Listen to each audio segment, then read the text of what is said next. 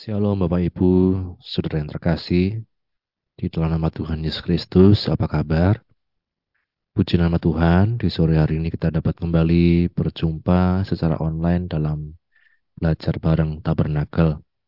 Mari sebelum kita belajar lebih lanjut dari firman Tuhan, kita sama-sama berdoa. Bapak kami bersyukur untuk kesempatan yang kau beri pada kami di sore hari ini untuk kami dapat belajar dari firman-Mu. Bukalah hati kami, pikiran kami, dan mampukan kami ya Roh Kudus untuk menjadi pelaku-pelaku firman-Mu. Kami bersyukur di dalam nama Tuhan Yesus kami berdoa. Amin. Puji Tuhan, Bapak Ibu saudara sekalian, kita akan melanjutkan pembelajaran kita tentang tabernakel. Kita sudah sampai di episode yang ke-25 atau seri yang ke-25. Kembali terus saya ingatkan tempat bahwa tabernakel ini dapat menjadi satu panduan dalam kita mengiring Tuhan. Memang ketika ditafsirkan bisa memiliki arti macam-macam, tetapi kita melihat ini merupakan satu panduan umum di mana seperti di tabernakel ini terdiri dari tiga bagian. Ada halaman yang dikatakan di sana ada mesbah korban bakaran dan kolam pembasuhan, ada ruang kudus, di dalamnya ada meja roti sajian, pelita emas, dan mesbah dupa, dan ada peti perjanjian di ruang maha kudus atau ruang maha suci. Ini merupakan satu gambaran dari karya Yesus sendiri, pribadi Yesus, yang dikatakan dari mulai pintu gerbang sampai kita dilayakkan untuk dapat masuk ruang mahsuci itu semua karya Yesus. Oleh karena kasihnya, oleh karena korban Kristus. Di pintu gerbang ini berbicara tentang kita mulai percaya kepada Tuhan Yesus sebagai Tuhan dan Juru Selamat kita. Mesbah korban bakaran ini melambangkan adanya pengorbanan untuk penebusan dosa yang kalau di zaman perjanjian lama itu ada baik lembu, domba, burung, tekukur, dan lain sebagainya. Tapi di perjanjian baru ini adalah korban Kristus sendiri. Tubuhnya dikatakan tercurah darahnya untuk kita sekalian menebus dosa umat manusia. Kolam pembasuhan menunjukkan kita sebagai orang percaya berkomitmen untuk mengikut Tuhan sampai akhir lewat tanda sakramen baptisan air. Kita menanggalkan manusia lama bangkit menjadi manusia baru. Pintu kemah ketika akan masuk ruang mahsuci menandakan adanya kepenuhan Roh Kudus baptisan Roh Kudus yang itu memampukan kita untuk terus hidup dalam kebenaran firman Tuhan. Meja roti sajian adalah uh, ini melambangkan adanya kehidupan yang dipenuhi oleh firman Tuhan hari demi hari. Roti ini berbicara tentang makanan dan bagi kita adalah makanan rohani yang ini juga berbicara tentang firman Tuhan yang perlu kita terus konsumsi bukan hanya di hari Minggu, bukan hanya waktu ibadah, tetapi tiap-tiap hari. Kemudian pelita emas atau kandil menunjukkan kehidupan sebagai terang.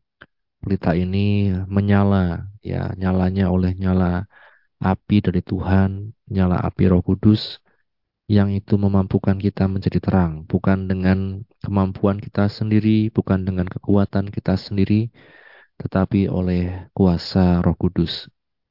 Mesbah rupa atau mesbah emas ini adalah kehidupan doa dan penyembahan.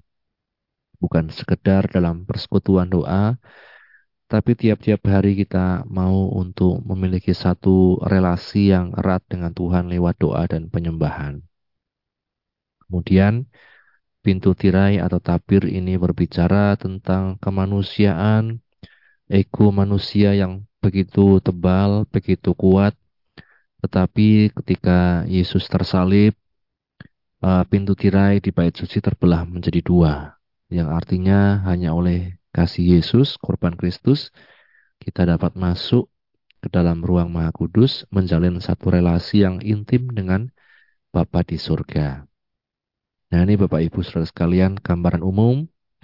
Kita sebagai orang percaya artinya mari terus kita tidak hanya ke gereja, tidak hanya uh, hari Minggu, kita saatnya ibadah ya ibadah, tetapi dalam kehidupan pribadi kita pun kita mau untuk melihat ya kita sudah sampai di mana, bukan dalam arti kemudian kita sombong, merasa suci, merasa lebih hebat, tetapi kita mau terus untuk di-upgrade ya, terus berkembang di dalam Tuhan kita. Tuhan memberi kesempatan yang baru. Ini di waktu yang lalu kita sudah belajar bahwa ketika Musa diperintahkan untuk membuat atau memahat loh batu yang baru, ini artinya Tuhan memberi kesempatan yang baru baik kepada Musa maupun juga kepada orang Israel untuk mereka menjadi umat Tuhan. Setelah apa? Setelah peristiwa patung anak lembu emas di mana Musa sangat marah, kemudian loh batu itu dipecahkan, dilempar sampai terpecah.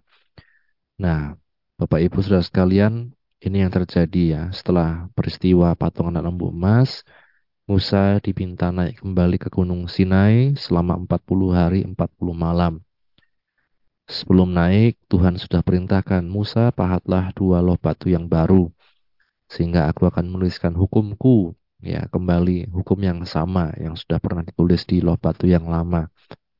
Dan dalam kasihnya Tuhan juga memberi kesempatan kepada manusia berdosa, termasuk kepada saya dan Bapak Ibu, saudara sekalian, untuk berjalan di dalam kebenarannya. Jadi kita percaya bahwa oleh karena korban Kristus, oleh anugerahnya, kita dimampukan untuk berjalan dalam kebenarannya. Berat orang itu kalau dulu hidup hanya semau sendiri, sekarang hidup mau untuk menurut pada Tuhan, diatur oleh Tuhan, mengikuti jalan Tuhan. Ya, lewat Roh Kudus Tuhan menuliskan hukum di hati orang percaya. Karenanya mari kita belajar untuk menaati tuntunan Roh Kudus. Dalam pengertiannya seperti di beberapa ayat di Amsal Sulaiman, loh itu juga berbicara tentang hati kita. Kalau dulu dituliskan hukum Musa itu di uh, loh batu, sekarang di hati kita. Seperti di Yeremia 31 juga, di sana dikatakan uh, Tuhan menuliskan hukumnya di hati kita. Sehingga kita bisa percaya bukan sekedar karena hukum yang tertulis, tetapi ada tuntunan roh kudus di hati kita. Demikian Bapak Ibu Saudara sekalian. Dan sore hari ini kita kembali meneruskan ya tema yang sama Tuhan memberi kesempatan yang baru. Ya, ketika Tuhan memberi kesempatan yang baru dalam hidup kita, kehidupan orang berdosa, apa respon kita saat diberi kesempatan yang baru tersebut? Apakah kita menerima atau justru menolak? Ya, jangan sampai uh, kita menolak kesempatan yang Tuhan sudah berikan. Misalnya, kita hidup ya dulu semau sendiri, dulu sekehendak hati sendiri, kemudian Tuhan menuntun kita, bahkan mungkin menegur lewat firman-Nya, menegur juga lewat kejadian-kejadian yang kita alami, apakah kita akan kemudian menganggap Tuhan itu jahat? Menganggap Tuhan itu tidak baik, sehingga kita tolak kesempatan yang dari Tuhan. Ya. Dalam firman Tuhan kita bisa melihat seorang uh, Saul dia pernah gagal tetapi kemudian dia tidak kembali kepada Tuhan. Justru dia terus menuruti keinginan hatinya sendiri, kehendak hatinya sendiri, tidak mau tunduk kepada apa yang dikatakan Tuhan melalui Samuel, nabinya. Nah, maka sangat penting bagi kita untuk menerima kesempatan yang baru. Kalau kita diberi kesempatan sama Tuhan, kita sudah lewati mungkin periode yang kelam dalam hidup kita, penuh dengan dosa, penuh dengan pelanggaran, kemaksiatan, dan lain-lain, maka mari kita setia pada Tuhan. Mengiring Tuhan sampai akhir, menghargai kesempatan yang Tuhan sudah berikan kepada kita. Seperti Musa diminta Tuhan buat loh batu yang baru. Musa taat. Dia tidak kemudian, ah males Tuhan, sudah capek. Ya, kita baca ya di keluaran pasal yang ke-34. Kita lihat bersama-sama kembali. Keluaran pasal 34 mulai dari ayat 1. Berfirmanlah Tuhan kepada Musa, pahatlah dua loh batu sama dengan yang mula-mula. Maka aku akan menulis pada loh itu segala firman yang ada pada loh yang mula-mula yang telah kau pecahkan. Ya, sekali lagi. Berfirmanlah Tuhan kepada Musa, pahatlah dua loh batu sama dengan yang mula-mula. Maka aku akan menulis pada loh itu segala firman yang ada pada loh yang mula-mula yang telah kau pecahkan. Bapak Ibu saudara sekalian kita melihat Tuhan berikan kesempatan. Tuhan berikan perintah. Nah ini mungkin sering kali kita dapat mendengar kesaksian-kesaksian yang semacam ini. Misalnya tentang Nabi Yesaya Bapak Ibu saudara sekalian. Yesaya mengalami panggilan Tuhan di Yesaya pasal yang ke-6 kita baca mulai dari ayat 1, dalam tahun matinya Raja Usia, aku melihat Tuhan duduk di atas tahta yang tinggi dan menjulang, dan ujung jubahnya memenuhi bait suci. Para serafim berdiri di sebelah atasnya, masing-masing mempunyai enam sayap. Dua sayap dipakai untuk menutupi muka mereka, dua sayap dipakai untuk menutupi kaki mereka, dan dua sayap dipakai untuk melayang-layang. Dan mereka berseru seorang kepada yang seorang katanya, Kudus, kudus, kuduslah Tuhan semesta alam, seluruh bumi penuh kemuliaannya. Maka bergoyanglah alas ambang pintu disebabkan suara orang yang berseru itu, dan rumah itu pun penuhlah dengan asap.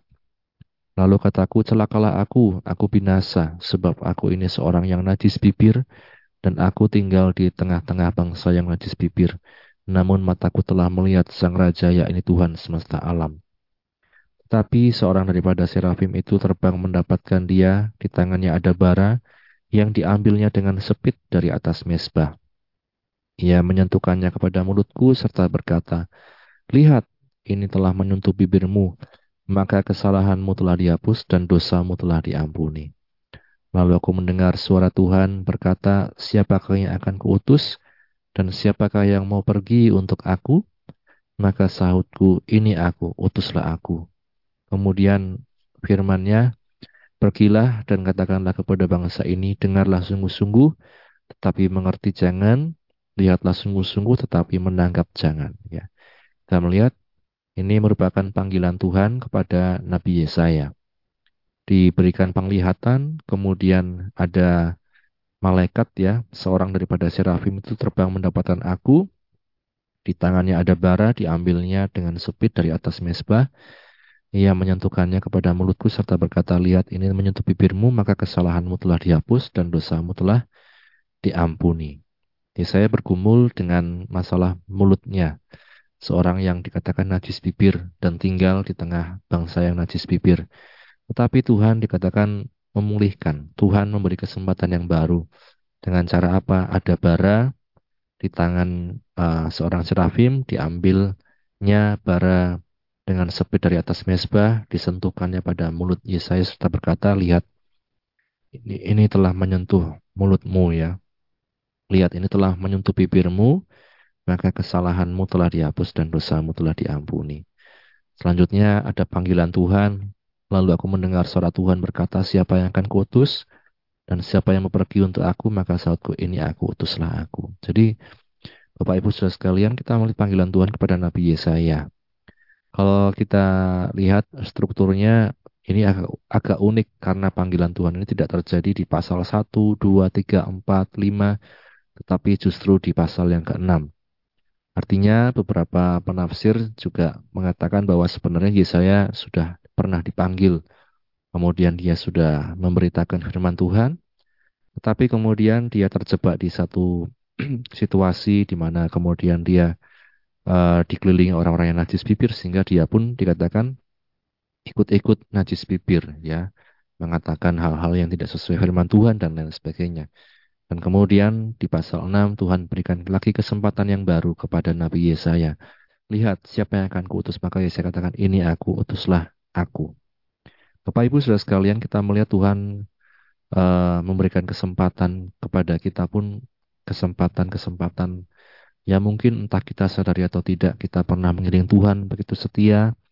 tak pernah melayani Tuhan begitu luar biasa semangat, tetapi kemudian ada periode di mana kita malas-malesan, kecewa sama orang, kecewa mungkin sama hamba Tuhan dan lain sebagainya. Dan dengan kasihnya, di satu momen kemudian Tuhan menghampiri kita kembali dengan cara apa pun. Ya, kepada Musa Tuhan memerintahkan pahatlah dua loh batu yang baru. Kepada Yesaya Tuhan katakan, ya lihat siapa yang akan kuutus. Kemudian Yesaya katakan, ini aku, utuslah aku. Ditandai dengan apa? Ada bara yang disentuhkan pada bibir Yesaya.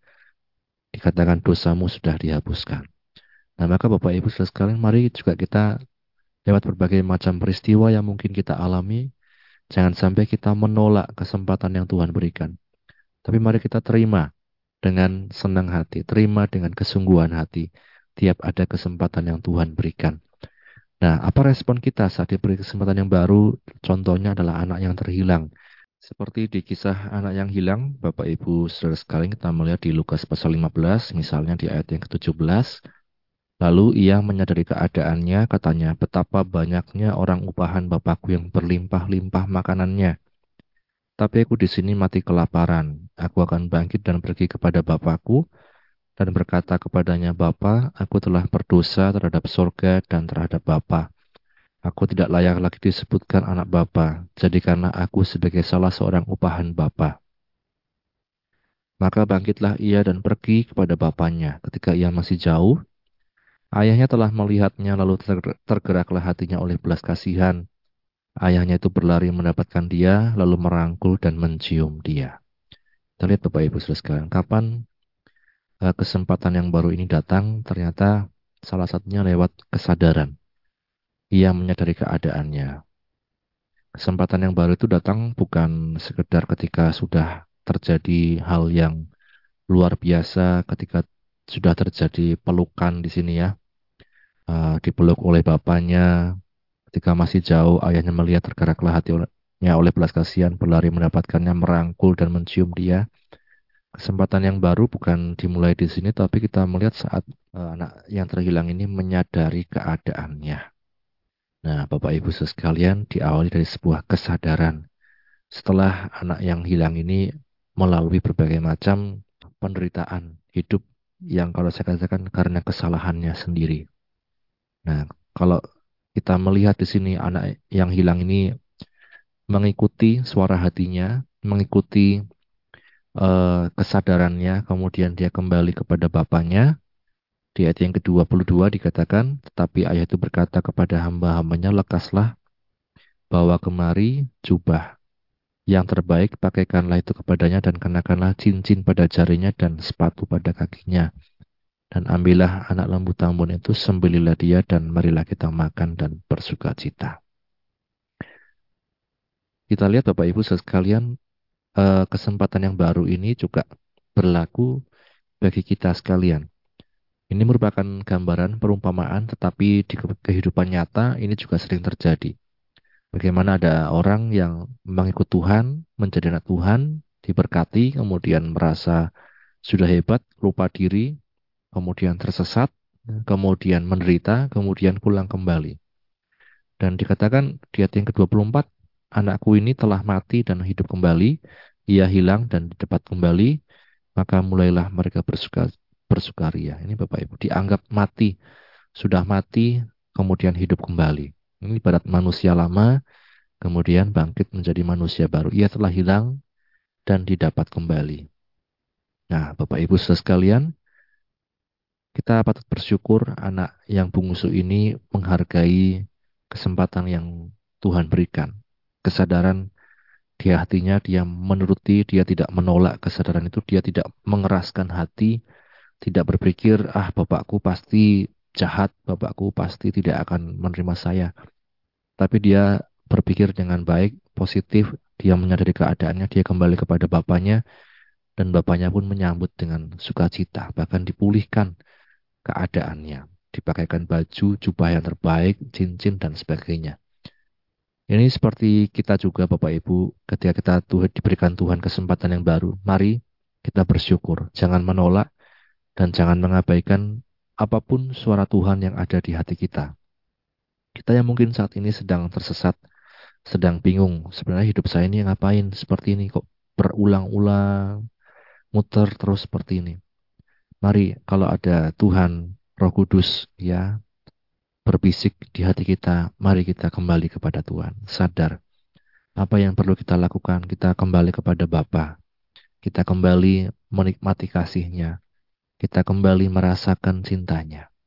Itu yang Tuhan inginkan dalam hidup kita. Kesempatan yang baru jangan disia-siakan. Nah, Bapak Ibu sekalian, kita tidak tahu, kita tidak pernah tahu hidup kita sampai kapan. Hargai setiap anugerah yang Tuhan berikan, jangan sia-siakan kesempatan yang Dia sudah berikan. Kita tidak pernah tahu kalau pemazmur katakan 70 sampai 80 tahun, tapi kita tidak pernah tahu hidup kita ini sampai kapan. Tapi mari ketika Tuhan berikan anugerahnya, Tuhan berikan kesempatan, jangan disia-siakan. Tetaplah setia, ya. Tetaplah setia seperti anak yang bungsu ini, bapaknya katakan dia sudah mati tapi hidup kembali. Yang lama, kalau orang katakan biarlah berlalu. Tapi mari di kesempatan yang baru ini kita mau terus berbuat kepada Tuhan, setia pada Tuhan sampai pada akhirnya bahkan kita mau terus memberitakan Injil kebenaran firman Tuhan agar orang-orang lain pun mendengarnya dan mereka mendapat kesempatan yang baru dari Tuhan. Sama-sama kita berdoa. Bapak Surgawi terima kasih untuk kasih-Mu yang selalu baru pada kami. Bahkan kesempatan yang baru yang kau berikan pada kami, biarlah kami bersyukur dan biarlah kami menerimanya, biarlah kami menghargainya. Berkatilah anak-anakmu yang sudah mendengar firmanmu di mana pun mereka berada. Baik dalam perkebunan apa pun, kiranya Engkau yang menolong ya Tuhan, dan Engkau yang memampukan kami terus hidup dalam kasih dan anugerahmu, dan mampukan kami juga untuk mewartakan kasihmu Tuhan, memberitakan anugerahmu kepada mereka yang membutuhkan. Kami bersyukur kami sudah terima firman-Mu dan hanya di dalam nama Tuhan Yesus kami berdoa. Haleluya. Amin. Puji nama Tuhan, Tuhan Yesus memberkati kita sekalian. Amin.